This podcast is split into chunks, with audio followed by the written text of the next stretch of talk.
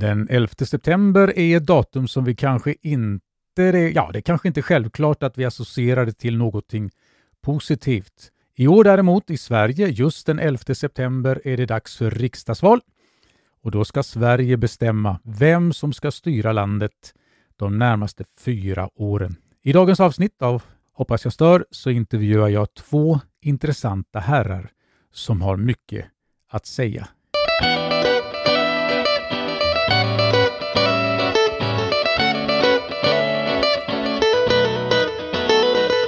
Mm, det här är Hoppas jag stör och jag heter alltså Rickard Jensen. Välkommen ska du vara om du har tagit dig in på den här frekvensen höll jag på att säga, men det är det ju inte nu för tiden. Det är inget radioprogram utan det är en podcast. Framför mig har jag två, eh, ja, ska man säga varma eh, herrar. Ni har tagit er hit båda två. Det är en eloge till er båda att ni cyklar i denna vackra stad som är Malmö. Vem vill börja presentera sig? Ska du börja? Välkommen! Jag kan börja. Torsten ja. Elofsson heter jag. Ja, jag älskar att cykla i den här staden. En perfekt cykelstad tycker jag. Mm. Jag är eh, ordförande i Kristdemokraterna här i Malmö. Har eh, varit eh, aktiv i Kristdemokraterna sedan 2014. Dessförinnan så jobbade jag inom polisen i dryga 40 år och hade lite olika positioner där. Framförallt jobbade jag här i Malmö, men jag har också jobbat över hela Skåne, nationellt och internationellt med lite olika frågor. Kan man säga att du är en, du är en uh, född skåning och inbiten skåning? Nej, jag är inte född skåning. Jag är smålänning. Smålänning, en stolt smålänning. Total miss där. Välkommen ska du ha. Vi ska, vi ska gå in och fråga lite mer sen vad du, vad du sysslar med nu. För egentligen är du pensionär, men det märker man inte när man lyssnar på det tempo och de uppgifter som du har. Till på andra sidan här så har jag en annan man. Han är också pensionär eller någonting. Jag vet inte riktigt hur man ska beskriva er två. Vill du presentera dig? Thomas Ander heter jag. Och eh, jag eh, sitter med i styrelsen för KD här i Malmö.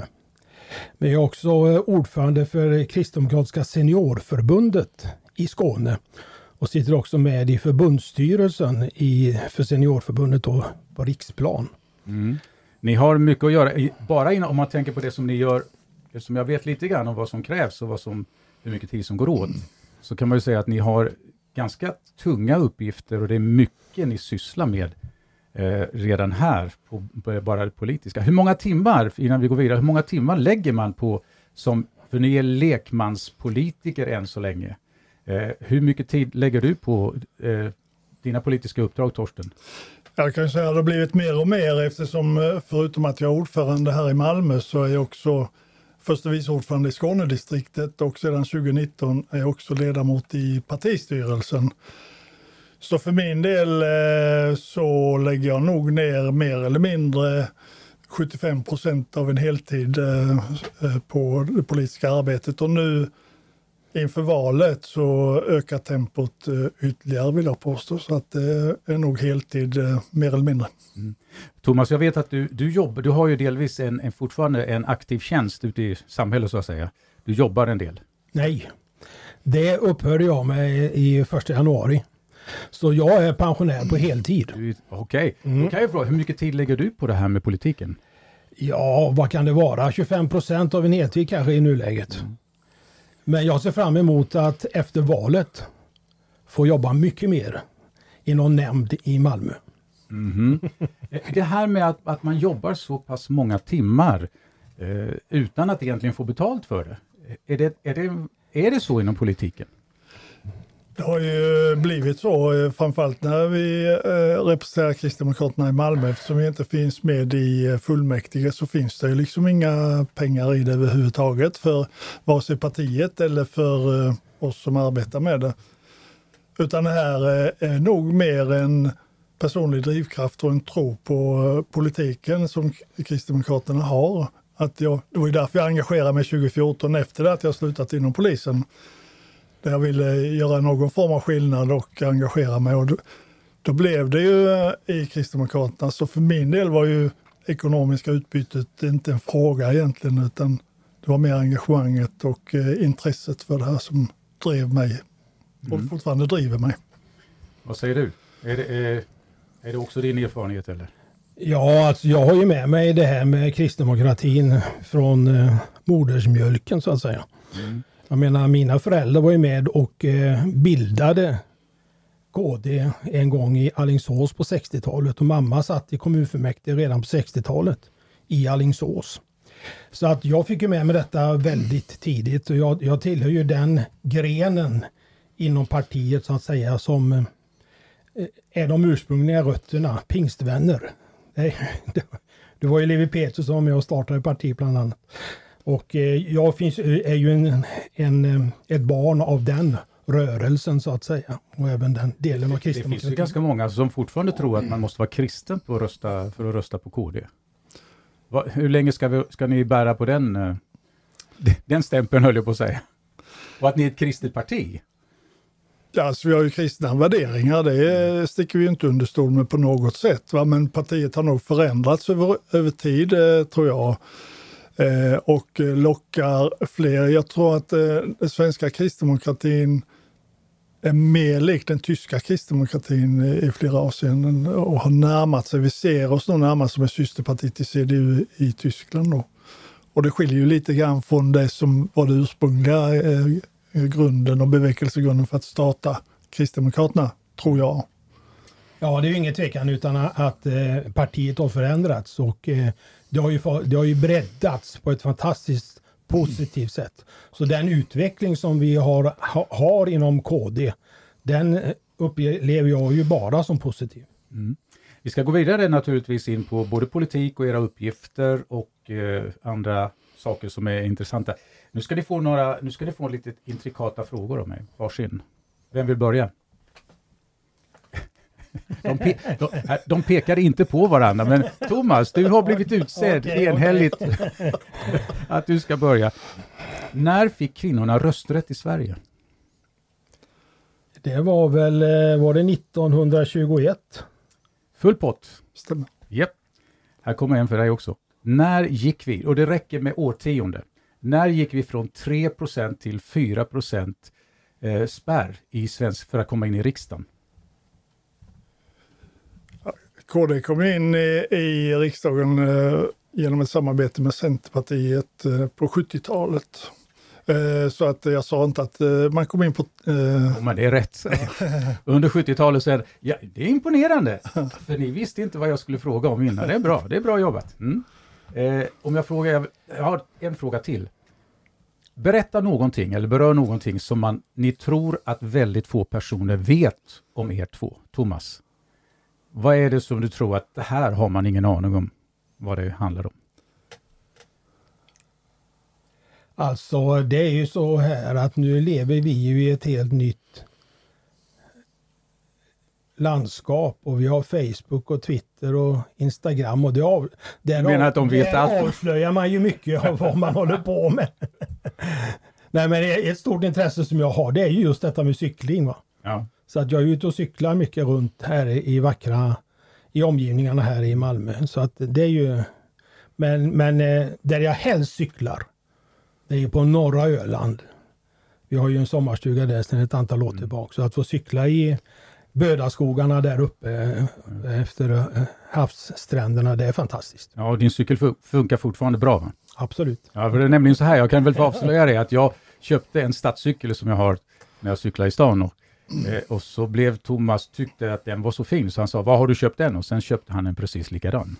Så jag hoppas att den funkar, jag känner mig lite medskyldig annars. Absolut. Ja. Torsten, vad, vad säger du? Vad är det som du tror att vi inte har någon koll på? Ja, du, min fru brukar säga att jag är som en öppen bok så de flesta har koll på allt vad jag gör, har en känsla av. Men eh, nej, om man ska göra någonting, det är väl ingen hemlighet i och för sig, men eh, jag har någon böjelse för att hugga ved. Jag tycker det är kul. Det känns ju lite udda, men eh, jag tycker det är en väldigt bra form av styrketräning och motion. Du menar att du har en yxa i handen, stor och så här och så en mm. kubb och sen så lägger du den uppe på och sen... En riktig klyvyxa ska man ha. Alltså det, det, är inte det ganska gammalmodigt? Jo det är det. Men det är kul. Ja, du, och du får... och, alltså, det är en utmaning när du får en riktigt sån här stor eh, bok som man precis har fällt som är sådär en halv meter i diameter och lägga upp den på huggkubben och få ta fram lite kilar och lite annat smått och gott. Hur lång tid tar det att fixa en sån? Och det, tar, eh, ja, det kan eh, ta sin lilla tid, men eh, eh, man får jobba med det en halvtimme med en sån stor bit i alla fall. Va? Men eh, jag tycker det är eh, kul och givande. Jag vet inte. Framförallt komma ut på landet och hålla på och jobba lite med kroppen. Normalt så har man, det yrke jag har haft tidigare, det har ju liksom inte blivit några konstruktiva resultat så, men när du bygger eller hugger ved eller vad du än gör så ser du ett resultat av ditt arbete och jag tycker det är ganska tillfredsställande på sätt. Ni, ni, har ju berättat avslöjat lite grann, man anar, men varför börjar man egentligen med politik? I grunden, vad är det som ligger bakom? Hur skulle ni beskriva det, Torsten? Jag tror, eh, för min del är det ju en vilja att eh, förändra saker och ting och det är ju det som har drivit mig in i det här egentligen. Eh, jag slutade ju i polisen då i samband med en organisationsförändring som jag inte trodde var riktigt bra. Och eh, då tycker jag att enda möjligheten att eh, få till stånd en förändring är att verka för en förändring också. Det räcker inte med att sitta hemma vid köksbordet och, och vara förbaskad på saker och ting. Så det är väl det som hur länge har du varit eh, KD-are, KD-are överhuvudtaget? Eh, jag har nog inte varit någon trogen KD jag har röstat eh, frekvent på KD, utan jag är nog en allmänborgerlig röst, väljare som eh, jag har röstat Moderaterna emellanåt. Och jag röstade på KD när Alf Svensson var partiledare vid ett par tillfällen. Men sen nu tog jag, och jag var faktiskt med i Moderaterna en kort tid men valde att lämna där och gå in i Kristdemokraterna istället som jag tycker är ett bättre parti i flera avseenden. Vi ska komma tillbaka till det här med partiledare. Eh, Torsten, Thomas, hur länge har du varit KD? Ja, som jag sa tidigare så har jag ju, eh, har jag ju med det med modersmjölken, men eh, under mitt, eh, alltså jag har ju under tiden jag varit, jobbat som pastor inom pingströrelsen så har jag inte velat engagera mig partipolitiskt. Det är inte riktigt rumsrent att prata politik överhuvudtaget eller? Nej, det är inte lämpligt framförallt att eh, prata partipolitik när man är pastor, tycker jag personligen. Nej. Därför har jag hållit mig borta ifrån det. Men sedan när jag då eh, drog ner på det engagemanget och började jobba som journalist och eh, chefredaktör på en tidning som är oberoende kristdemokratisk. Mm. Då i samband med det gick jag in i partiet och började engagera mig mm. i lokalavdelningen i Hässleholm. Mm. Om, jag, om jag skulle be er definiera en enda fråga, en enda fråga som ni tycker är eh, som, som mest berör er och kanske lyfter er i det här engagemanget. Det är en jättesvår grej, men Thomas, om jag börjar med dig den här gången. En fråga som du tycker kanske är viktigare än alla andra när det gäller politik och kanske då specifikt Kristdemokraternas politik? Nu får Torsten lite mer tid att tänka. Nej, men eh, jag är ju engagerad, eh, som jag berättat, i Seniorförbundet. Mm. Och det är självklart så att eh, äldrefrågorna har ju en enorm tyngd inom Kristdemokraterna. Och det är ju mm, frågor som är oerhört angelägna. Att vi, vi, att vi bedriver en politik som på det mesta möjliga är till gagn för de äldre och eh, är med och lyfter de äldre. De som varit med och byggt vårt land, va? de måste ju få en mycket värdig avslutning på sina liv också. Det är eh, en drivkraft som jag har. Hur stor grupp talar vi om när du, när du pratar om äldrefrågor i, som, som ni riktar er mot eh, mer politik? Ja, faktum är ju att eh, när det gäller väljarkåren, alltså då från 18 år uppåt, va? Mm. så är det ju en 30 procent av väljarna som eh, räknas till seniorgruppen. Så det är ju... Och då talar vi alltså rent generellt i ja, hela Sverige? I hela Sverige, ja. Så att det är ju en otroligt viktig del av det politiska livet att eh, det prioriteras. Mm. Jag vill komma tillbaka till det här med pensioner och pensionshöjningar och sånt där som var aktuellt bara för någon dag sedan i, i en ganska livlig debatt, åtminstone på det området. Där. Torsten, har du en sån där värdering eller en sak som lyfter, som engagerar dig mer än alla andra? Ja, med tanke på eh, det jag har jobbat med under större delen av mitt liv så är det klart att det är trygghetsfrågorna som är väldigt viktiga för mig och eh, jag upplever ju då att eh, det är möjligt att man som polis ser avigsidorna i vårt samhälle och eh, får en ganska mörk bild av det, men jag känner att det finns saker och ting som gör att Sverige lite driver åt fel håll, om du förstår vad jag menar. Att, eh, utvecklingen är inte enbart positiv och trygghetsfrågorna är väldigt viktiga. Otryggheten ökar ju, inte minst bland unga här i Malmö till exempel, som blir rånade och utsatta för brott av olika slag. Kvinnor som känner sig otrygga, vi har fått hedersförtryck och sådana saker som, som jag tycker att man måste verka för att vi ökar tryggheten i vårt samhälle. Och det är väl det som också har, har fört mig in i politiken så att säga. Mm. Du sitter ju med i eh, partistyrelsen. Mm. Hur kommer det sig? Jag menar, du är, du är inte så gammal i, i, eh, inom politiken. Nej, det avseendet är jag en rookie, kan man ju påstå. Mm. Jag har varit med i åtta år, men eh, jag kom in i eh, partistyrelsen 2019 och har bara varit med i fem år, så att det gick väldigt fort. Och det är inte bara det, utan du står som nummer ett på listan till riksdagen för hela Skåne. Ja. Är det är det, det man kallar för en blixtkarriär, eller vad, ska, vad, vad har du för namn på det?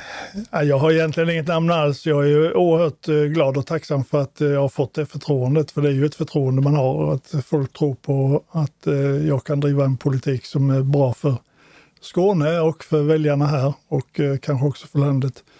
Jag tror att det som har bidragit är kanske då att när man frågar väljarna vilka som är de viktigaste frågorna för väljarna idag, så är ju lag och ordning, om vi nu får kalla det för det, eller trygghetsfrågorna, är ju top number one. Mm. I den senaste enkätundersökningen som vi gjorde här i Skåne så var det nummer ett.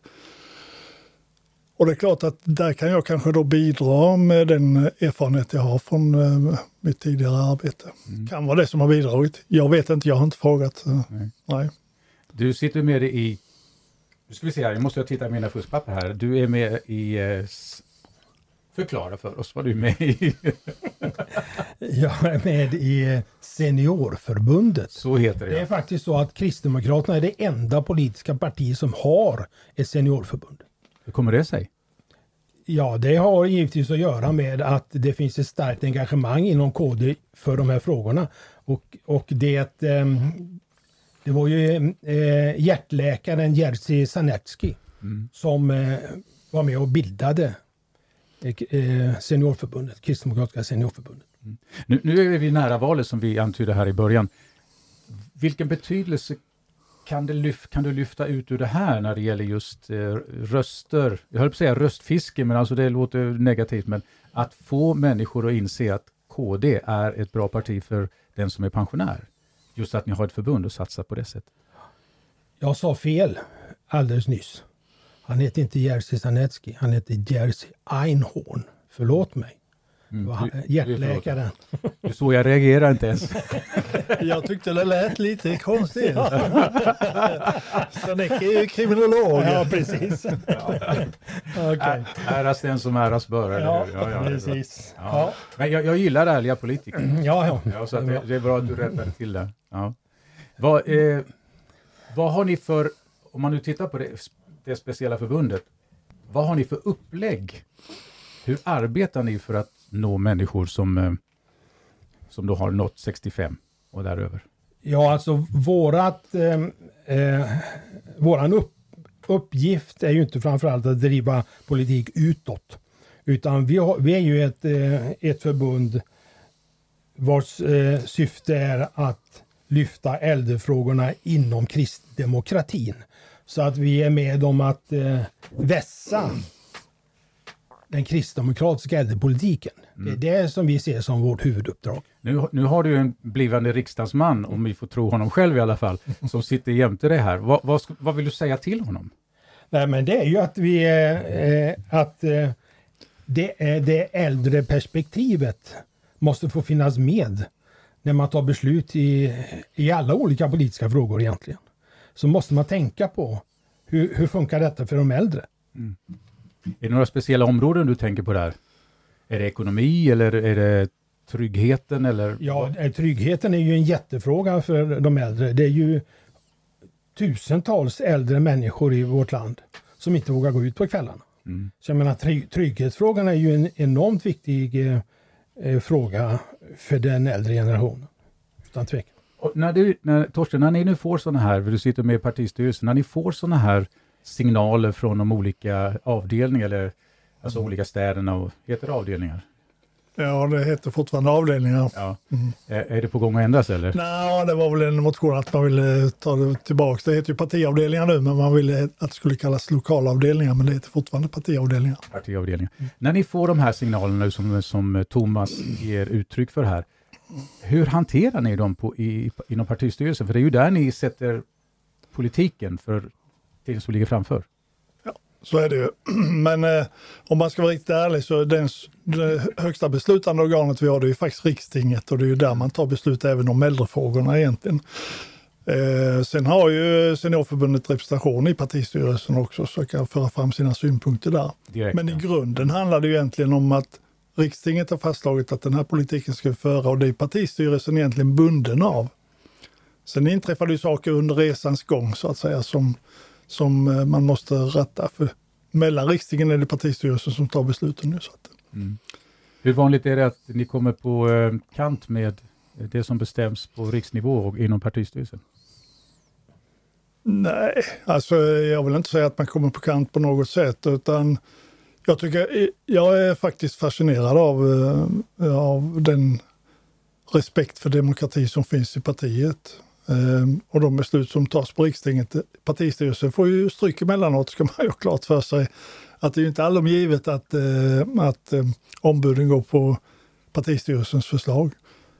Men då accepterar man och respekterar det givetvis. att Så ska det vara och då får man ju arbeta utifrån det. Va? Mm. Och så kan det vara i partistyrelsen också, att man inte är enig i alla frågor. Men då röstar man och ja, i vanlig ordning, majoriteten vinner. Så, att, eh, så är det. Och eh, då får man ju respektera det. Kan man inte göra det, då får man nog fundera på att göra någonting annat. Jag, jag, den tanke jag har i samband med det, hur, om jag nu har en, en stark övertygelse om något och så beslut, beslutas det att om min väg går åt höger och så beslutar man att den går nästan åt vänster nu efter, efter ett riksting och allt vad det nu är för någonting. Kan man vara ärlig och jobba i den riktningen som politiker? Vad säger ni om det? Förstår ni min fråga? Ja, jag förstår din fråga och eh, jag, jag tänker på en viss eh, försvarsminister som vi har nu, som i en annan fråga, som har slatt fast att aldrig i livet så länge jag är minister och så ändras alltihopa. Nu ska han då jobba för någonting helt annat.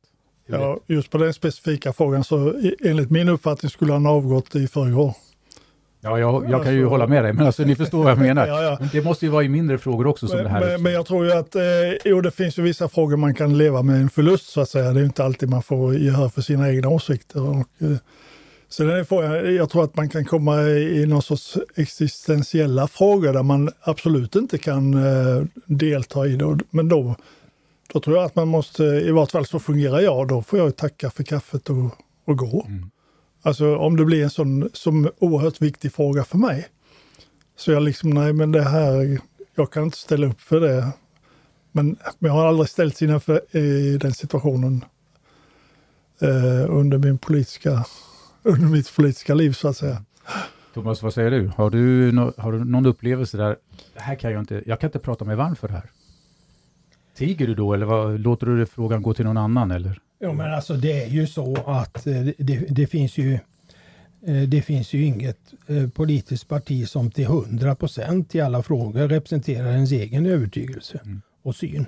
Så att det är klart att, att man ibland är mindre nöjd med beslut som tas. Va? Men det måste man ju leva, kunna leva med som politiker.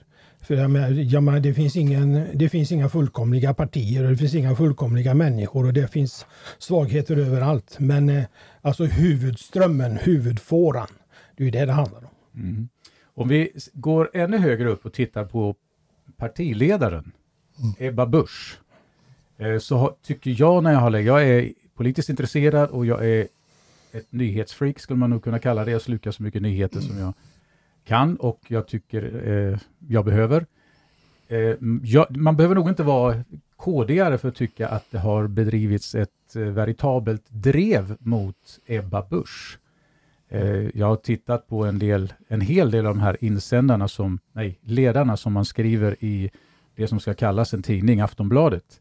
Eh, och det är otaliga ledare som har skrivits om alltså, frågor som inte är av något intresse utan bara strävar efter, tycker jag, att smutsa ner, förtala och sätta fram i en dålig dag. Vad beror detta på? Varför är man så, vad ska jag säga? Ja, jag, jag ställer inte frågan mer än så. Vad är, vad är det som ligger bakom det här? För jag ser inte det med andra partiledare alls på samma mm. sätt. Ja, det här kan man ju ha en lång utläggning om. Men... Eh, ni kanske inte eh, håller med mig att det är så? Eh, jo, det är klart det är. Alltså, man eh, skjuter ju på Ebba Busch hela tiden. Eh, mest från vänster, om man säger så. Men eh, tidigare var ju KD ett eh, litet parti som man inte behövde räkna med överhuvudtaget. Eh, inför 2018 så låg vi på 2,8 procent var uträknade. Eh, vi skulle inte finnas i riksdagen efter valet 2018 och så landade vi på 6,3 procent. Mycket tack vare Ebba Busch vill jag påstå som eh, drev en väldigt framgångsrik eh, kampanj eh, inför valet 2018 och gjorde väldigt bra ifrån sig i debatter och sådana saker. Och då kan man ju eh, fundera över, om man nu ser en konstellation, en borgerlig konstellation med, med eh, KD och M eh, med stöd av Liberalerna och Sverigedemokraterna så ger man sig ju på det parti som man har störst chans att trycka tillbaka under 4 procent och det är ju då eh, Kristdemokraterna, har man väl upplevt. Därför att helt plötsligt så blev ju Kristdemokraterna en faktor att räkna med och citat, ett hot mot en socialdemokratisk regering. Och då ger man sig på, man kan ju inte gå på Kristersson, men Moderaterna de är ju stora. Sverigedemokraterna är också ett stort parti, de kan man inte trycka ner. Men Kristdemokraterna som låg på 6, ja men Förhoppningsvis är det att man kan få, få ner det under 4% igen. För då har man ju säkrat ett fortsatt socialdemokratiskt styre. Det är min spekulation och teori. Nu säger Torsten, han har delgett sin... Va, vad säger du? Är, är, det, är det det hotet eller är det Ebba som person? Ja, alltså Ebba är ju en mycket färgstark människa. Eh, hon är eh, relativt ung och kvinna. Och hon eh, viker inte ner sig. Utan hon eh, står upp och är, sätter ut hakan och säger vad hon tycker och står för det. Mm. Och det, jag uppfattar att det är många, inte minst herrar, som inte klarar av det. Nu, nu, måste jag, jag tycker det är minst lika många kvinnor som inte klarar av det. Alltså man brukar säga att kvinnor ska inte slå på kvinnor, men jag tycker Tittar man på de ledare som finns och det som skrivs så hackar man på henne för att hon har en vit klänning eller hon har en svart klänning, att den eh, har krage eller inte har någon krage. Alltså det, det tycks ju kvitta vad hon har på sig. Eh, så att kvinnor är ju inte, jag skulle vilja säga att det är minst lika mycket kvinnor som har skrivit ner Ebba. Så kan det säkert vara, och, eh, men eh, alltså det är ju så att eh, färgstarka människor hatar man eller tycker man mycket om. Mm.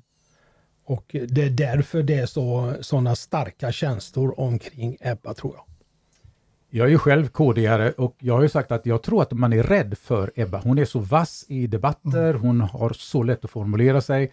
Hon har, är, är otroligt karismatisk när hon mm. framträder. Det går liksom inte, det går inte att ignorera Ebba när hon är ute i, i, i eten eller i någon debatt och så här. Får jag bara fylla på då att det är ju helt rätt eftersom om man, om man får bort Ebba från Kristdemokraterna så är det ju en otrolig försvagning skulle jag vilja påstå. Och det är väl därför man också riktar in sig så starkt på, på henne och försöker liksom hitta... Skjuta generalen i, i sank? Ja, lite så. Och att man försöker hitta eh, medlemmar eh, i partiet som går i opposition mot henne. Man jagar liksom olika sådana här grejer för att man vet så att säga att Ebba är just nu så pass stark och så bär hela partiet eh, framåt. Eh, så att få, få, får man bort Ebba och, och skulle man lyckas med det så, eh, så har man eh, då lyckats skadeskjuta Kristdemokraterna. Mm. Vad är det som gör att eh, Kristdemokraterna är ert parti nationellt? Alltså som, vad, vad tillför ni som inte finns i de övriga partierna inför valet? Det är en stor fråga, men eh, om ni bara tar upp någon eller några frågor. Jag tycker att eh, Kristdemokraternas styrka är att eh, KD är ett värderingsbaserat parti och våra värderingar är väldigt starka och vi står för det också som vi har. Kan, nu måste jag bara få gå in lite. Vad menar man när man säger att det är ett värderingsstyrt parti? Mm. Vad, vad vill det säga för gemene man som kanske inte... Nej, men jag tycker det, det handlar väldigt mycket om eh, hur vi ser på, på samhället och på individer och eh, när vi resonerar etik och moral och sådana här saker. Va? Det finns, det finns saker eh, som är större än politiken så att säga. Ofta handlar det om eh, ekonomi och andra frågor men, men i, i grunden så handlar det om att vi måste ha ett samhälle där vi har eh, värderingar som bär oss fram på något sätt. Och det finns ju värderingar som vi har som inte går att förhandla bort heller. Då, va? Och jag tror att lite det som Ebba Busch har varit inne på också då, att, att vissa värderingar är inte förhandlingsbara och vi står ju upp för de värderingarna. Och det finns ju också i vårt principprogram och sådana här saker va, som jag tycker är, är en styrka för oss som inte de andra partierna har på samma sätt. Mm. Ja, en fråga som eh, där, där KD skiljer ut sig ganska starkt eh, Eh, just utifrån våra värderingar, det är ju detta med eh, föräldraförsäkringen, att vi vill ha den helt fri. Vi vill alltså inte att staten ska bestämma över familjen, vem som ska vara hemma med barnen, utan det fixar föräldrarna bäst själva. Det är köksbordets demokrati som ska gälla och inte statsmakterna. Och det, det, är typ en, en, en värderingsfråga. Alltså. Mm. Eh, kan ni förstå något av den, eh, den politik som då går tvärt detta, nämligen att om man inte börjar tidigt i, i förskolan, om inte man delar på det här så blir det, en, ja, för att säga det, det blir inte bra. Har ni någon förståelse för den politiken överhuvudtaget? Ja, man kan väl eh, ha en viss förståelse för hur man, hur man tänker, men, man, men man, eh, man tänker ju bakvänt så att säga. För att jag menar, det är ju runt köksbordet som detta måste få avgöras. Och föräldrarna vet ju bäst, eh, eller vet ju vad som är bäst för barnen. Och utifrån, alltså varje, varje familj ser ju olika ut. Mm. Eh, livet ser olika ut för olika familjer. Man kan inte från statsmakternas eh, sida bestämma den typen av frågor. Mm. Torsten, man har, man har ju i det här sammanhanget pratat, ofta har man pratat om en, en kvinnofälla. Mm. När man tittar på KDs politik på det här området. Vad, mm. Hur tänker du där? Nej, eh, jag kan inte se det på det sättet egentligen. Eh, därför att eh, jag tycker att vuxna människor bör ju kunna komma överens om de här sakerna utan att... Det är på något sätt att, vad ska man säga, förminska kvinnan. Att kvinnan inte har någon egen, egen vilja i de här frågorna. Det är klart att de har egen vilja. Jag är själv gift med en som har en absolut egen vilja. Saker och ting. Så att jag går inte in med några frågor där. Nej, men eh, alltså på något sätt. Jag ogillar ju den här tanken och precis som Thomas säger då, det är inte staten som ska, det är inte staten som ska eh, bestämma hur familjen ska leva sitt liv. Jag tycker man ska, vi har ju en eh, subsidiaritetsprincip inom partiet som säger att det ska ju beslut ska tas på lägsta ändamålsenliga nivå. Och familjen är ju så att säga den ändamålsenliga nivån när man kan hantera de här frågorna om uppfostran och eh, barntillsyn och, och sådana här saker. Mm. Det är ju, alltså man använder ju ofta mm, invandrarfamiljer som exempel då för att eh, driva detta med eh, delad föräldraförsäkring. Och den tanken har jag ju stor förståelse för.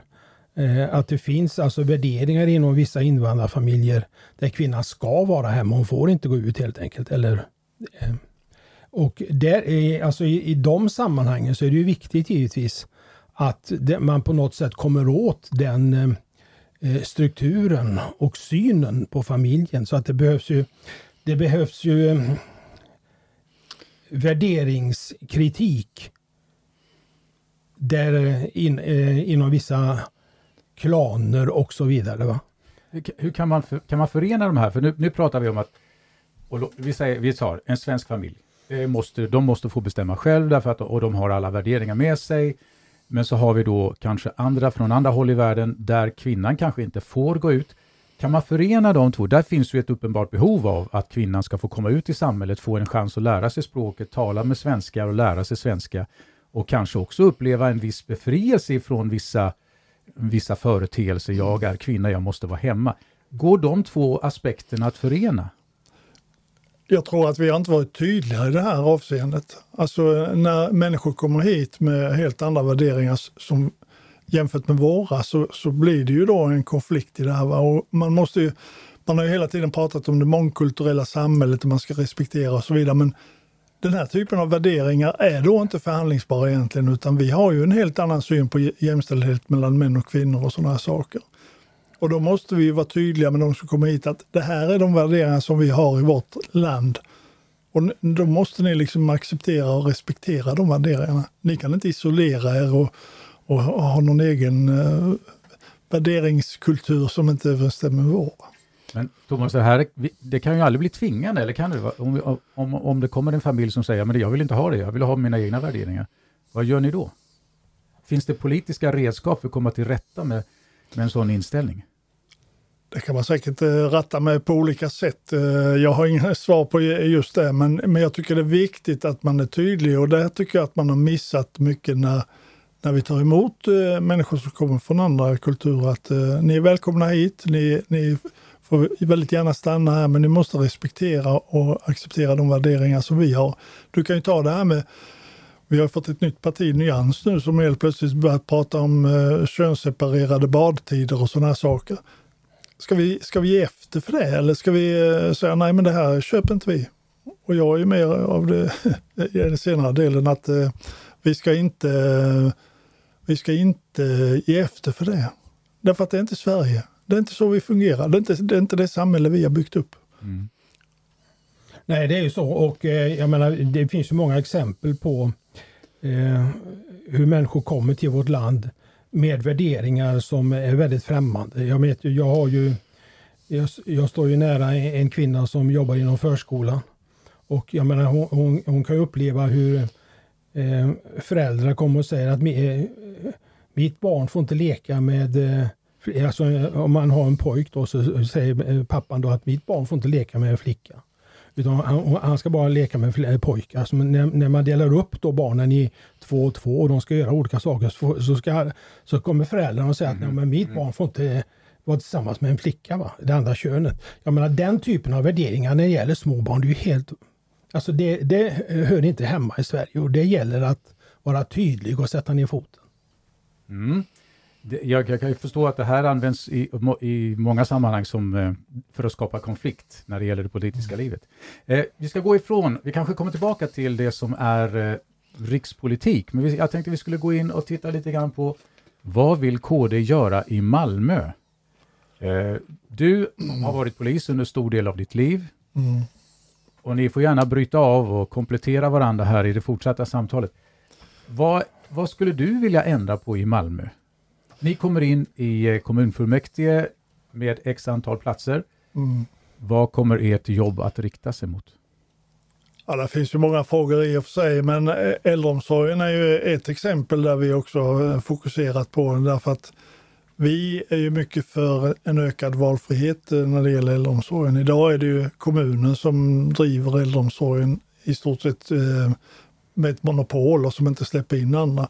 Där vill vi öka mångfalden genom den här lagen om valfrihet. Att eh, folk, människor är olika, men här lägger man in äldre i någon sorts eh, mall som ska vara lika för alla och det tycker inte vi. utan vi vill gärna ha lite nischade boenden och sådana här saker. Så det är en viktig fråga tycker jag. Trygghetsfrågan är oerhört viktig. Vi har ju eh, haft eh, genom åren väldigt hög brottslighet och hög kriminalitet i Malmö. För närvarande har det väl lugnat sig något, men å andra sidan, vi blir ju lätt avtrubbade så man reagerar inte så mycket på det. Va? Men tryggheten är en viktig fråga för oss och eh, där ser vi gärna då att vi får en, en eh, lokal polisnärvaro, en ökad eh, lokal polisnärvaro. Jag, jag kommer tillbaka till den tråden där. Mm. När det gäller det här med eh, utanför det kommunala engagemanget, så pratar man här ensam, i stort sett ensamrätt på det. Det finns ju en ganska häftig debatt nu när det gäller vinster i välfärd och den, det, där är ju äldrevården en, eh, en del när det gäller mm. privata företag. Så mm. Hur kommer man till rätta med de, de, de, grejer och de missförhållanden som har dykt upp i, i det sammanhanget där? Hur ser man till att pengarna går till det det ska? Mm. mm. Vad har ni som politiker? Har ni några bra förslag där?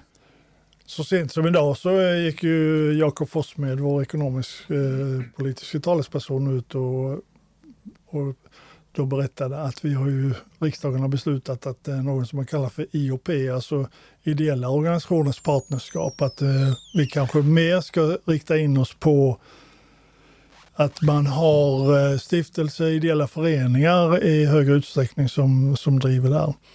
Men eh, jag tycker att man från Socialdemokraternas sida i Malmö, jag ska kanske säga att jag sitter i nämnden för hälsa, vård och omsorg här i Malmö. Faktiskt, trots att vi inte finns i fullmäktige, så sitter jag på ett moderat mandat. Så jag har en viss inblick i det. Eh, men man, nu så sent som eh, på seniormässan står då ordförande Anders Rubin och kallar privata eh, vårdföretag för kriminella. Och så är det ju inte. Och de flesta vårdföretagen sköter det här alldeles utmärkt. Och jag vill ju påstå att kommunen får inte den granskning som kommunen rätteligen borde ha därför att det finns grava missförhållanden inom den kommunala äldreomsorgen som jag tycker att man måste lyfta fram på ett helt annat sätt. Det här är någonting som jag själv har reagerat på, att man, nu ska jag säga ett starkt ord, att man medvetet ljuger från vissa håll inom politiken. Alltså man säger en sak, slänger fram en sak därför att den låter bra och den får förmodligen en, en ett ganska hårt, stort genomslag. Mm. Håller politiken på att bli förljugen? Alltså, inom det här området så... Ja, jag, jag, jag får avsluta. Därför att jag, jag tycker att vi behöver institutioner som är sanningsenliga, som vi kan lita på, för annars så försvinner ju all det som är den gemensamma grunden i vårt samhälle. Så Nej, frågan kvarstår, håller politiken på att bli för, förljugen? Ja, delvis det är det ju så. Men jag menar, alltså det, ett typexempel är ju detta med eh, eh sossarnas drev nu emot eh, eh, friskolor och framförallt då eh, religiösa friskolor. Eh, drevet handlar om att man vill alltså stänga ner alla. Trots att, eh, det, eh, att man talar om extremism inom friskolorna. Jag menar faktum är att det finns ju bara ett, två, tre stycken muslimska skolor och det är någon av dem som har eh, eh, misskött sig. Men jag menar eh, eh, i stort så är de kristna friskolorna, de toppar ju vad det gäller eh, betyg och eh, alltså att, att få eleverna att fungera och komma ut i samhället.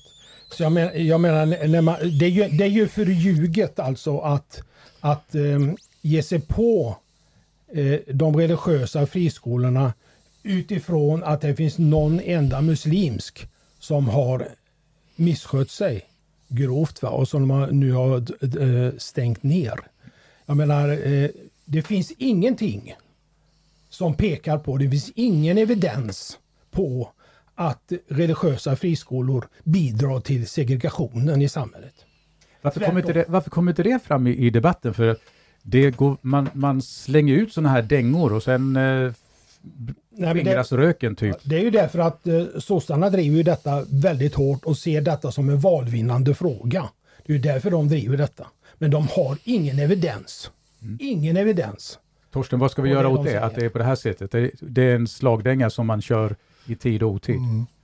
Alltså, det är svårt att komma ut med det här ska man ha klart för sig och jag tycker att media har ett stort ansvar i det här och, och granska regeringen och eh, de styrande på ett helt annat sätt än vad man gör idag. Jag tycker att man är alldeles för eh, vad ska man säga, följsam eh, mot eh, regeringen. De granskas inte på det sättet. Jag menar, du var själv inne på det med Peter Hultqvist här. Alltså, han har inte fått de besvärliga frågorna och liksom man, man har inte gått på det här. Va? Och, eh, Kommer han att få dem överhuvudtaget? Ja, det, nej, det, det, det tvivlar jag på. Om vi hade eh, eh, energiministern nu som, eh, som då blir utfrågad i Kaliber och det visar sig ju att han, han är ute i det blå. Han, han kommer ju med lögner. Det, det stämmer inte någonting av det han säger.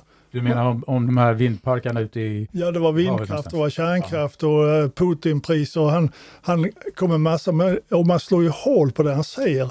Men det ger liksom inte riktigt uh, effekt. Alltså jag tycker att uh, man eh, borde vara mer kritisk från medias håll och jag kan ju uppleva att, eh, inte minst här lokalt, så har vi Kristdemokraterna ganska svårt att, att nå ut med vårt budskap via media därför att de, de bestämmer ju själva vad man tar in i, i tidningen. Mm. Och, eh, där kan jag uppleva att vi blir lite styvmoderligt behandlade faktiskt. Mm. Det, det är ju en fråga, det här om, om, om sa- sanningen, det gäller ju inte minst media. Och jag är inne på det här för jag har funderat mycket på det själv, att, att om vi inte kan lita på media, om vi inte kan lita på eh, tv och radio, att sanningen finns där på något sätt, då är det, Mm. Då är det då är risken för att vårt, då kommer ju den här desinformationen få ju så mycket större möjlighet här för att man söker sin information på andra sätt. Du kan ju ta det här grava fallet nu med eh, Sveriges Radio och eh, de utlandsspråkiga sändningarna på somaliska, kurdiska och arabiska. Där man helt eh, sonika går ut och, och påstår att Ebba Busch klagade på att polisen inte till, mördat tillräckligt många muslimer. Mm. Vad händer då? Ingenting. Alltså, de, de ber ju knappt ens om ursäkt för det här. Eh, och, och jag, tycker, jag tycker det är så... Eh, alltså, det är så ohederligt på något sätt. Och, och det, är liksom, det känns som att det är medvetet som man gör det. Det kan inte vara så att tre, tre separata sändningar gör samma misstag. Om man har en ansvarig utgivare som bara rycker på axlarna och säger att ja, men, ja och Förstå själv eh, vilken situation man sätter Ebba Busch i. Precis, och det, och eh, det anmärkningsvärda det gäller det här är ju att det började inte hos somalierna eller i de tre programmen, utan det började i den svenska. Alltså i Sveriges Radio när de eh, klippte och klistrade Ebba Busch uttalande så, och förvanskade det. Så det började där i de svenskspråkiga sändningarna, inte bland kurderna, somalierna eller araberna. Mm. Om man då tittar på det som står, om man läser en nyhetsapp till exempel, så står det längst ner så står det vi arbetar för att vara oberoende, bla bla bla. Hur kommer man till rätta med detta? Det, det, var, det en ren, var det en ren slump att man observerade de här tre språken? Och vad hade man för avsikt med den här att man klippa, klippte och klistrade som du uttryckte det där Thomas? Vad är det som ligger bakom det här? Det är ju ingen opartiskhet om man ska tolka det sammantaget. Så är det ju. Kort. Nej, det är ingen opartiskhet. Tyvärr. Men vad, kan man göra någonting åt det här? Jag menar, här kan vi sitta och elda upp oss, men kan man göra något mer? Eh, ja, det kan man säkert göra. Jag, jag, det hade varit bra om man eh, hade en oberoende granskning av public service överhuvudtaget. Som man gjorde i England med BBC där man eh, gick in och, tittade på vad, vad är det för verksamhet man bedriver och hur bedrivs den. Eh, och eh, också nagelfar det på ett helt annat sätt. Va? Så mm. visst kan man göra det. Eh, men eh, då, eh, jag tror det var Jimmy Åkesson som tyckte det och då var det ju liksom, det kom från fel håll på något sätt. Eh, att eh, Då är det högern som vill eh, att skära ner eller rent av avskaffa public service. Och det är ju inte, i vart fall inte vår intention att avskaffa public service därför att det har en viktig funktion. Men just av det skälet är det så oerhört viktigt att de har en hög trovärdighet och att de är opartiska och eh, objektiva i sin rapportering. Och där kan man ju ana att det är för många sådana här eh, om man ska säga, misstag som sker. Eh, medvetna eller omedvetna. För att det ska vara acceptabelt. Och, och, för att fortsätta där så är det ju så att alltså, den här förvanskningen som gjordes, framförallt då, då var det somaliska, där det uttalades då att Ebba önskade att hundratals muslimer skulle bli skjutna. Jag menar, det är ju en direkt livshotande för Ebba Busch att det publiceras någonting sådant om Om det henne. skulle skapas ett hat mot henne och så Ja, det är någon... självklart. Jag menar, när människor hör detta, Mm. att det, detta har hon sagt va? och Mm. tror på det. Jag menar, eh, ha, ha, ligger man då nära själv så att säga att vara, ja, ta till våld helt enkelt, så jag menar, det är absolut livsfarligt för, eh, att man säger så om en svensk politiker. Så att jag menar att, att Sveriges Radio inte har varit tydligare och tagit ett mycket starkare avstånd och bett om ursäkt på ett mycket tydligare sätt. Det, det saknar jag verkligen. Alltså. Har man sagt någonting mer än jag, vi beklagar? Eller vad, vad, har ni för, vad har det blivit för reaktioner när det nu uppdagades? Nej, man har egentligen inte bett om ursäkt, inte, med, inte från hjärtat, eh, knappt ens läpparnas bekännelse därför att man, Ja, vi ber om ursäkt för att vi gjorde fel där man sätter fel inom citationstecken. Det innebär att, ja. Det var synd att det upptäcktes, eller? Ja, ungefär. Ja. Mm. När vi tittar på Malmö, vad, ehm, hur stora är chanserna att, att det blir en, eh, ett maktskifte? Har ni koll på var ni ligger i? Eh? Ja, den senaste opinionsmätningen ligger vi kvar ungefär på valresultatet kan man säga. Eh, men det var ju en opinionsundersökning som omfattar tusen personer, så den tar vi med en nypa salt. Mm. Jag är ju övertygad om att vi går till val 2022 betydligt bättre rustade än vi gjorde 2018. Eh, vi har eh, ökat medlemsantalet. Vi, vi har en bra styrelse. Vi har förberett oss nu i princip i två år och jobbat med det här. Har ett, eh, tagit fram ett valmanifest.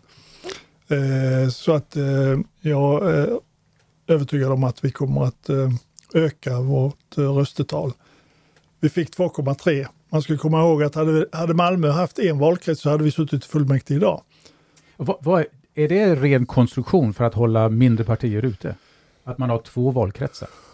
Ja, det, kan ju tolkas så. Och jag vet egentligen inte varför lagstiftaren har bestämt sig för att om man har två valkretsar så ska man ha 3 procent. Jag förstår inte vad, det, vad skillnaden är egentligen, men eh, jag har inte läst förarbetena till lagen heller, men det, det, är lite märkligt. Men vi ska över 3 procent, det är inget snack om saken. Mm. Och jag tycker det är viktigt att eh, på, påminna att när det gäller eh, röstandet i Malmö så har KD över 3 procent både på regionen och på eh, riksdagen. Men under 3 procent när det gäller kommunen. Så om alla kristdemokrater som röstade senast på KD även hade lagt sin röst i kommunen på KD, då hade vi suttit inne och då hade vi haft en borgerlig regim i Malmö idag. Det låter uppfordrande det ja, men, ja, men alltså det, det, det, Jag tycker detta är väldigt viktigt alltså att, mm. äh, att vi får ut det här budskapet. Att det gäller för kristdemokrater att inte glömma kristdemokraterna i kommunvalet. Mm. Otroligt viktigt. Varför röstar man så Torsten? Man röstar på, på eh, riksnivå så röstar man på KD, men här på lokalnivån så röstar man på någonting helt annat. Vad beror det på? Eh, ja, säkerligen är det så att, att man röstade, att eh, riksdagsvalet gav fler röster var nog beroende på Ebba Busch-effekten. Eh, hon gjorde ju väldigt bra ifrån sig. Och när vi stod i valstugan vid Gustav torg så fick man ju, eh, det var ju många som kom fram och eh, uttryckte sin beundran för Ebba som man verkligen gillade då som person och politiker. Och när det gäller att vi inte fick så många röster i kommunen var väl att eh, här röstar man nog mer på personen på, på parti, tror jag. Mm. Eh, och eh, vi var ju relativt okända får man ju säga. Eh, och då är det en osäker röst. Jag tror också att många tvekar liksom att eh, en röst på KD skulle kunna vara en bortkastad röst. Att jag, jag, tror många tänkte så kanske. Det är bara en spekulation från min sida. Vi har inte gjort någon djupare analys av det, men eh, så skulle det kunna vara. Men nu hoppas jag att eh, vi, vi är tillräckligt kända och tillräckligt starka för att eh, kunna fixa det. Mm. Vi har ju en, eh, en affär som heter NATO. Har ni hört talas om det? Något. Eh, Malmö och Skåne har ju gått ut inom socialdemokratin som har gått ut och sagt att vi ska inte gå med i NATO. Medan i Sverige, i, på riksdagsnivå så har, man ju, har regeringen sagt att vi ska gå med utan omröstning, om jag förstår det rätt, i, i riksdagen någonting, utan det här är, det, beslutet är fattat, ansökan är inlämnad. Men Malmö och Skåne säger nej inom socialdemokratin. Hur kan en sån sak påverka valresultatet om ett par månader? Ja, det borde ju göra det. Det borde ju väcka Malmöborna över eh, hur vänster sossarna i Malmö och Skåne är. Alltså de ligger ju på vänsterkanten inom Socialdemokraterna. Mm. Och eh, det, det, är vänsterkanten som eh, inte vill gå med i NATO. Eh, men som tur var fick ju Magdalena med sig partiet i alla fall, va, trots Skånesossarna. Så att det här är ju, detta är ju, borde vara ett observandum att det är vänstern inom sossarna som styr Malmö. Och vill ha... Inte bara sossarna utan vänstersossarna. Ja, vänstersossarna ja. ja. Det är vänstersossarna som styr Malmö. Och det här måste vi komma till rätta med för Malmös skull. Vad, säger, vad, vad, har det för betydelse vad, vad Skåne och Malmö säger i den här frågan? Eh, Thomas verkar ju väldigt övertygad om att det är viktigt, men varför är det så viktigt då? Nej, men det är väl, det är väl viktigt eh, i den meningen att eh, dels eh, som Thomas säger att det här visar ju var eh, Socialdemokraterna i Skåne står, långt till vänster och SSU här nere i Skåne har också utmärkt sig väldigt väl, eh, eller mindre väl kan man säga, i det avseendet. Så att, eh, eh jag tror att det har stor betydelse i den meningen att det också visa, visar eh, eh, att eh, Socialdemokraterna i Skåne är inget mittenparti som eh, man gärna kan samarbeta med över gränserna utan eh, de drivs av en ideologi som ligger långt till vänster från oss. Mm. Om, man, om man tittar på om man tittar på det här med säga, vänster och höger. KD har ju glidit, det tror jag att de flesta är överens om, har glidit ifrån mer åt höger om jag säger så. Mm. Eh, de senaste tio åren kanske, senaste sju åren i alla fall. Hur långt har partiet förflyttat sig österut? Västerut menar jag. jag menar åt höger. Orientation är svårt. Hur långt har vi förflyttat oss? Har vi förflyttat jag tycker att det är inte, eh, jag tycker att eh, det kan vara viktigt att påminna om att alltså hela, väl, hela väljarkåren, svenska väljarkåren har gått högerut. Mm. Och eh, KD har ju hängt med i, i den här förflyttningen delvis. Samtidigt så är det ju så att eh, det finns många frågor där, vi, där KD inte räknas till höger. Utan eh, eh, det är ju olika jag menar, eh, kristdemokratin är ju en egen politisk filosofi som egentligen inte tillhör varken vänster eller höger. Samtidigt så har vi klart markerat att vi vill vara ett borgerligt parti och vi är ett borgerligt parti och vi vill se en ny regering där inte sossarna finns. Och det står vi verkligen för. Men det är inte så enkelt som att bara säga att vi har att vi har blivit ett högerparti. Men självklart är det så att vi har förflyttat oss högerut. Men Torsten kan det här bättre än mig. Ja, det vet jag inte. Jag tycker du förklarar väldigt väl egentligen. Men eh, det är klart att eh, i och med att vi, Ebba Busch har ju varit tydlig med att vi är ett högerparti. Det nämnde hon ju när hon tillträdde som partiledare, så det är ju ingen eh, hemlighet av det. Men var man inte det innan? Var man tydlig med att man var ett högerparti? Alltså jag har ju bara varit med sen... Ja, så jag kan inte svara på det. Vi säger, egentligen säger vi, vi varken höger eller vänster, vi är kristdemokrater och, och vi driver vår egen politik. Och, och sen, sen älskar ju eh, både media och andra att sätta etiketter på partier, man är höger eller man är vänster. Och nu finns det bara ett mittenparti eh, kvar och det är Centerpartiet ungefär. Men, alltså, en eh, anorektisk tillvaro. Ja, precis. Ja. Men eh, nej, jag, jag, gillar inte, jag gillar inte etiketter på det sättet. Mm. Och, och, om man nu tar Sverigedemokraterna, är de, är de ett högerparti? Egentligen.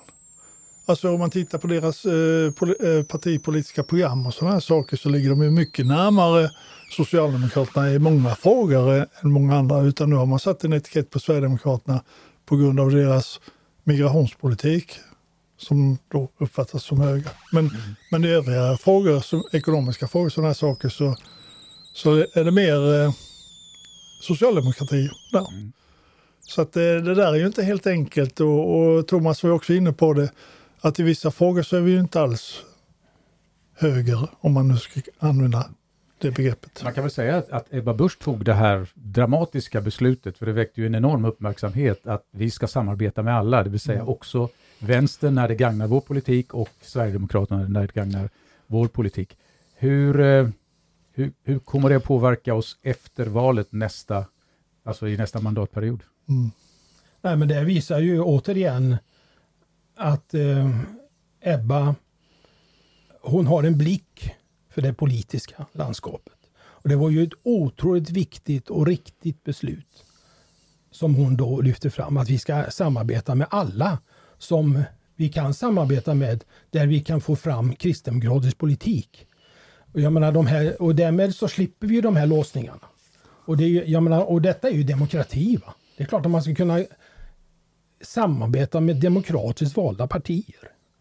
Eh, så att jag menar, Ebba är återigen först på banan och tydligast på banan när det gäller detta. Sen har ju de andra kommit med. Det är ju bara Centern som fortfarande håller på och eh, krånglar i... Men annars så inser ju alla att det är ju detta som gäller. Och därför har vi nu kunnat forma en, en, ett tydligt regeringsalternativ med, med moderater och kristdemokrater med stöd av liberaler och sverigedemokrater. Mm. Om man nu tittar på det pla, alltså nationella planet och, och leker med tanken. Eh, Liberalerna kommer inte upp över fyra, vi, vi, vi säger så. Och Miljöpartiet ramlar också ur. Hur ser då det, det politiska landskapet ut efter valet? Vad innebär det i praktiken? Egentligen, egentligen vet vi inte det förrän den 11 september när man har räknat rösterna. Vi vet ju inte det. Mm. Och jag, jag, jag gillar inte att spekulera egentligen. Vi, vi har ju sagt att vi går till val tillsammans med Moderaterna, en, eh, en KDM-regering. Det är det som gäller nu. Eh, vad som händer efter den 11 september, det eh, tror jag vi ska avhålla oss från att spekulera om. Då respekterar jag också det där i den frågan. Annars är det ju ganska intressant. Eh, Socialdemokraterna tycks ha, vi ska runda av programmet här alldeles strax, men Socialdemokraterna tycks ju ha ingått någon slags, eh, någon slags avtal, med, och jag ska se om jag kan säga hennes namn. Amine Kababavel. Kakabave. Tack Ja. för hjälpen där. Jag har skrivit det, men jag har inte övat tillräckligt på att säga det.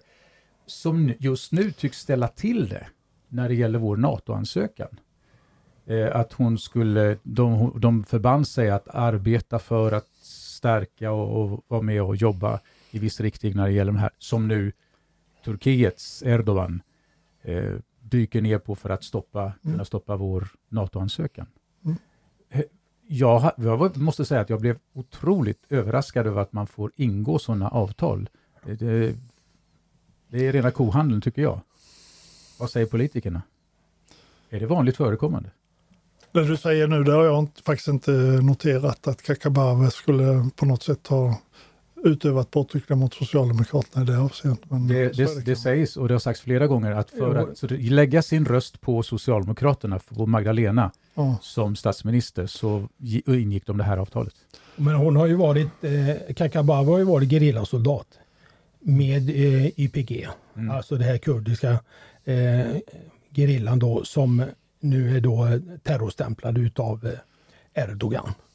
Och, det där, eh, och där har det tydligen en, eh, funnits någon uppgörelse mellan, eh, alltså de sossarna, eller Magdalena Andersson köpte ju Kakababes röst. Det är starka ord du använder nu. Ja, men på något sätt så var det ju så. För att få henne att rösta för Magdalena som statsminister. Och där, var, där har det tydligen varit någon uppgörelse. Utifrån detta med YPG som jag har förstått det. Mm. Och Det är det är, ju, det är givetvis väldigt anmärkningsvärt. Får, får det förekomma inom det politiska livet? Om du gör detta så kommer vi att... Och så skriver man på. Det finns ju, om jag förstår det, namnunderskrifter på det här. Eller är det bara jag som läser in för mycket? Ja, det kan jag inte svara på. Nej, jag vet inte heller. Men är det, alltså, Socialdemokraterna är ju ett maktparti, det, makten framför allt på något sätt. Va? Och jag menar pensionsuppgörelsen med, med Vänsterpartiet träffade man ju också då för att de skulle rösta fram eh, eh Magdalena Andersson. Så att man, man träffar den typen av avtal. Sen när det gäller Turkiet och de förhandlingar som pågår där så eh, vi är ju inte ensamma om att stötta YPG egentligen, eh, därför att YPG var ju de som tog den största smällen och eh, de största insatserna mot IS när de utropade sitt kalifat. Hade vi inte haft YPG så hade vi förmodligen haft ett kalifat här nere nu också. Och eh, USA stöttar ju YPG, har gjort så under hela tiden. Så det här är ju mer en förhandlingsinvit från Erdogan, att han vill ha någonting i utbyte. Han vill, har jag hört nu, vill ha amerikanska flygplan och lite annat smått och gott som eh, han gärna vill förhandla sig till. Så jag tror inte att eh, sista ordet är sagt i det här avseendet. Eh, Turkiet är, ett av 29 länder och eh, USA har nog stor påverkan på vad som kommer ut i slutändan av det här. Men man får ju, jag vet inte hur det funkar, men man får ju känslan av att man måste höja en ganska så grov pekpinne för att få Erdogan att eh, backa? Eller är det tvärtom, att man ska ge honom karameller för att han ska känna sig nöjd? Han har ju ett val framför sig. Han har kört den, eh, Turkiets ekonomi i botten. Det, jag tror att det var mycket inflation var det. Det var så en otrolig inflation i landet. Så man, man, man lider ju rent ekonomiskt. Mm. Han behöver ju någon seger. Men vad ska det, är det karameller eller en pekpinne? Så detta är ju, detta är ju en svårighet givetvis eh, för NATO. Att Erdogan har gått i en, eh, i en mer despotisk riktning så att säga med hela, sin, med hela sitt styre. Mm. Så att eh, vart det här slutar, det får vi väl se. Va? Man får ju hoppas, man, någonstans får man ju hoppas att eh, demokratin kan få återta makten så att säga i, i Turkiet. Men som det är nu är det ju väldigt, det är en otroligt sorglig utveckling. Mm. Vi, vi trodde ju att det skulle vara en ganska snabb process där mm. i Sverige.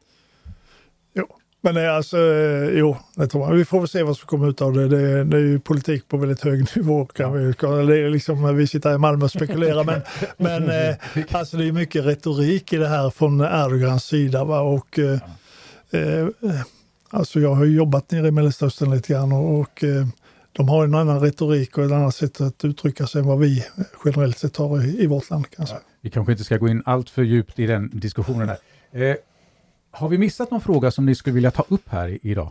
Någonting som ligger... Men det här har vi inte pratat om. Nej, vi har väl löst de flesta frågorna. Okej, okay. då vill jag säga tack så mycket för att ni tog er tid att komma hit. Tack ska du ha. och Thomas Ander. Tack så mycket. Eh, vi kanske får anledning till att komma tillbaka efter valet och, och glädja, ja du förstår vad jag menar. Ja, det får vi hoppas. En liten uppföljare. Klang och jubel. Ja, du som lyssnar på det här, eh, tack för att du lyssnade och du är välkommen tillbaka att lyssna på fler avsnitt. Hoppas jag stör med Rickard Jensen, Thomas Ander och Torsten Elofsson. Ha det bra och var rädd om dig, du ska räcka länge.